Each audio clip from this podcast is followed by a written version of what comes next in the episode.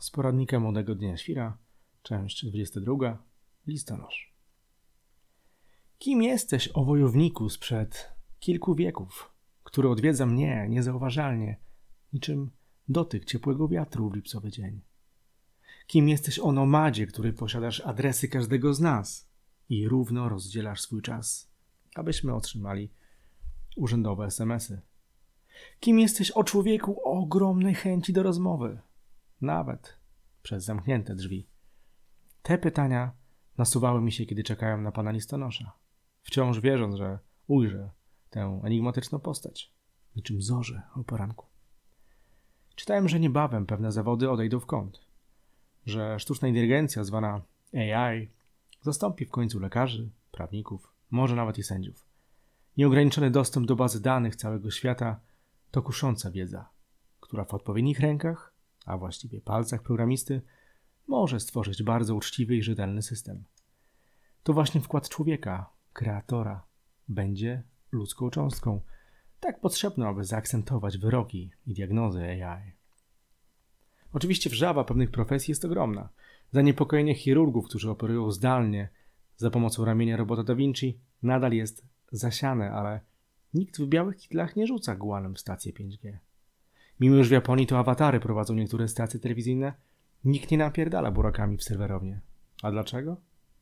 Ponieważ między nami jest ktoś, kto od 50 lat świetnie sobie radzi, mimo iż od dawna każdy z nas ma założoną skrzynkę mailową pana Raya Tomlinsona.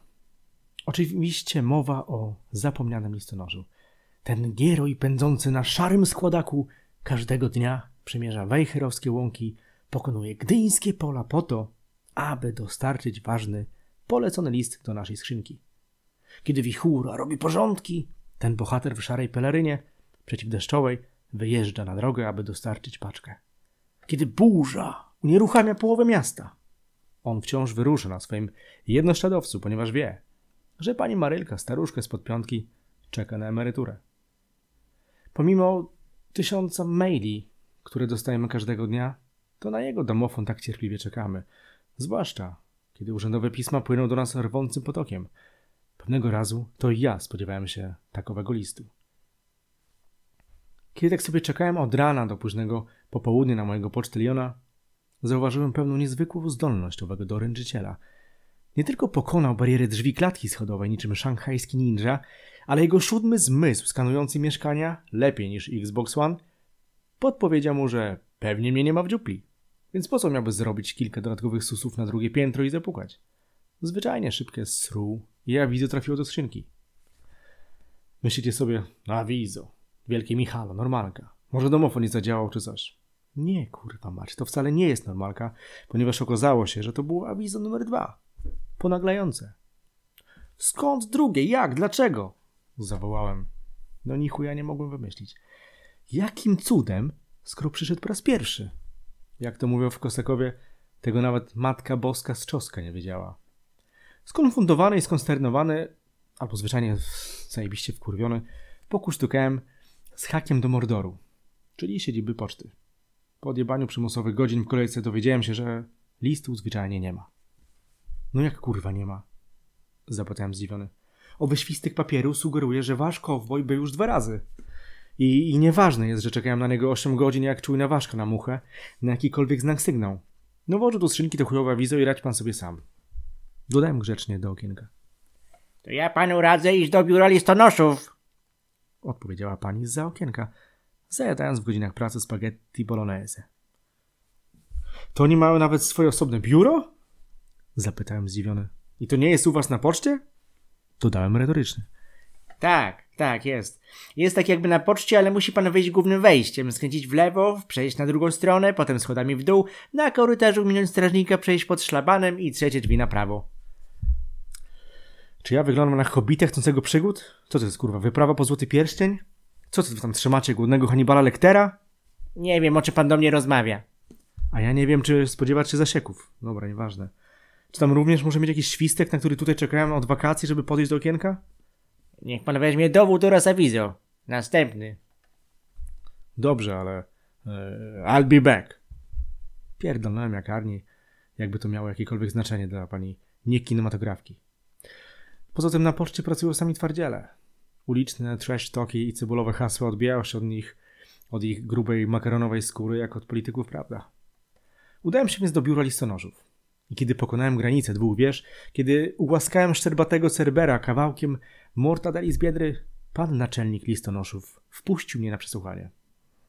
Owszem, owszem, zgadza się, awizo jest dobre, ale niestety nie mamy pańskiego listu. Wyrzucił płynnie i naturalnie, jakby to była kolejna zwyczajna sprawa. Dobre awizo? Czy ja dobrze słyszę? Pan sprawdzał autentyczność pocztowego awizo? Zapytałem coraz bardziej wkurwiony. Co pan myśli, że ja w pęcie napierdalam fejkowe awiza? Żeby potem nachapać się urzędowych listów w poniedziałek? Proszę pana, ja czekam na bardzo ważny list z urzędu patentowego. Od dwóch tygodni, grając w statki, czekałem na swoim czteromasztowcu z nadzieją, że uda mi się odebrać owe pismo i dupa zbita killer. No mam tylko awizo. Rozumiem, rozumiem. Oczywiście może pan złożyć skargę, zostanie ona wpisana do akt pana Zbyszka, bo to chyba on dziś rozważy listy.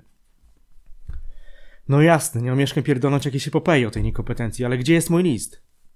No cóż, przykro mi, ale wciąż go nie mamy. Musi się pan uzbroić w cierpliwość. Może dojdzie jutro. Chyba sam teraz się zapytał. Jak może dojdzie? Co on kurwa teraz raczkuje do mnie? Pełza przez rowy izraelsko-palestyńskie? Jakieś ewolucje przechodzi? A jutro niby niczym co? Homo erectus stanie wyprostowany i pierdolnie do mnie na kawę? Nie rozumiem pana. Czy pan się teraz niepotrzebnie gniewa? Czy ja się gniewam? Nie, proszę pana. Ja to przyjmuję na miękko.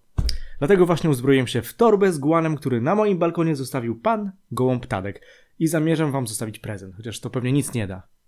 Nic nie da, nic nie da. Odrzekł twardziel naczelnik. Dobrze, do widzenia. Proszę przekazać panu Zbyszkowi, że jutro na niego czekam, niczym analogowy aparat na aktualizację. Tak zrobię, do widzenia. Dodał szef listonoszy. No i tak zrobił.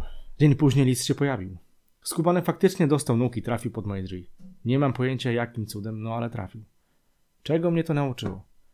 Że niektóre zawody, mimo iż nadal istnieją, to już dawno mogłyby się przebranżowić. Że list polecony nie musi trafić w ręce odbiorcy, aby zmienić status na odebrany. Powtórne awizo czasem pojawia się jako pierwsze, no i potem list trafia do nadawcy. Chuja ważne, czego widziałeś. Wiem, że to absurd, ale taki mamy kraj.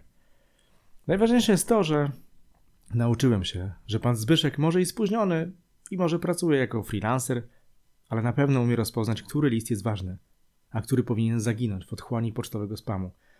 Owy list polecony był wezwaniem do sądu, ale nie mnie, a mieszkańca tegoż to mieszkania, który nie żyje od 10 lat. Więc chyba trochę się wkurwiłem niepotrzebnie. Z drugiej strony, podobnie sztuczna inteligencja mówi o listonoszach, że są niepotrzebni. I co? Mamy XXI wiek, a oni pięknie zaadoptowani zadylają na hulajkach. Nadal znają mapę swojego miasta lepiej niż nie jeden taksówkarz z GPS-em, jak to mówią w Karwinach. Nic, tylko brać przykład z panów Zbyszków, bo pani Marylka z podpiątki ogromnie cieszy się z osobistego doręczenia emeryturki. A jak do tego pan Zbyszek dorzuci ciekawą rozmowę przy ciastku o nieczytanych skargach, no cóż, tego sztuczna inteligencja na pewno nie zaproponuje. Takie hecy mamy tylko w ludzkiej rzeczywistości. Dzięki, strzała.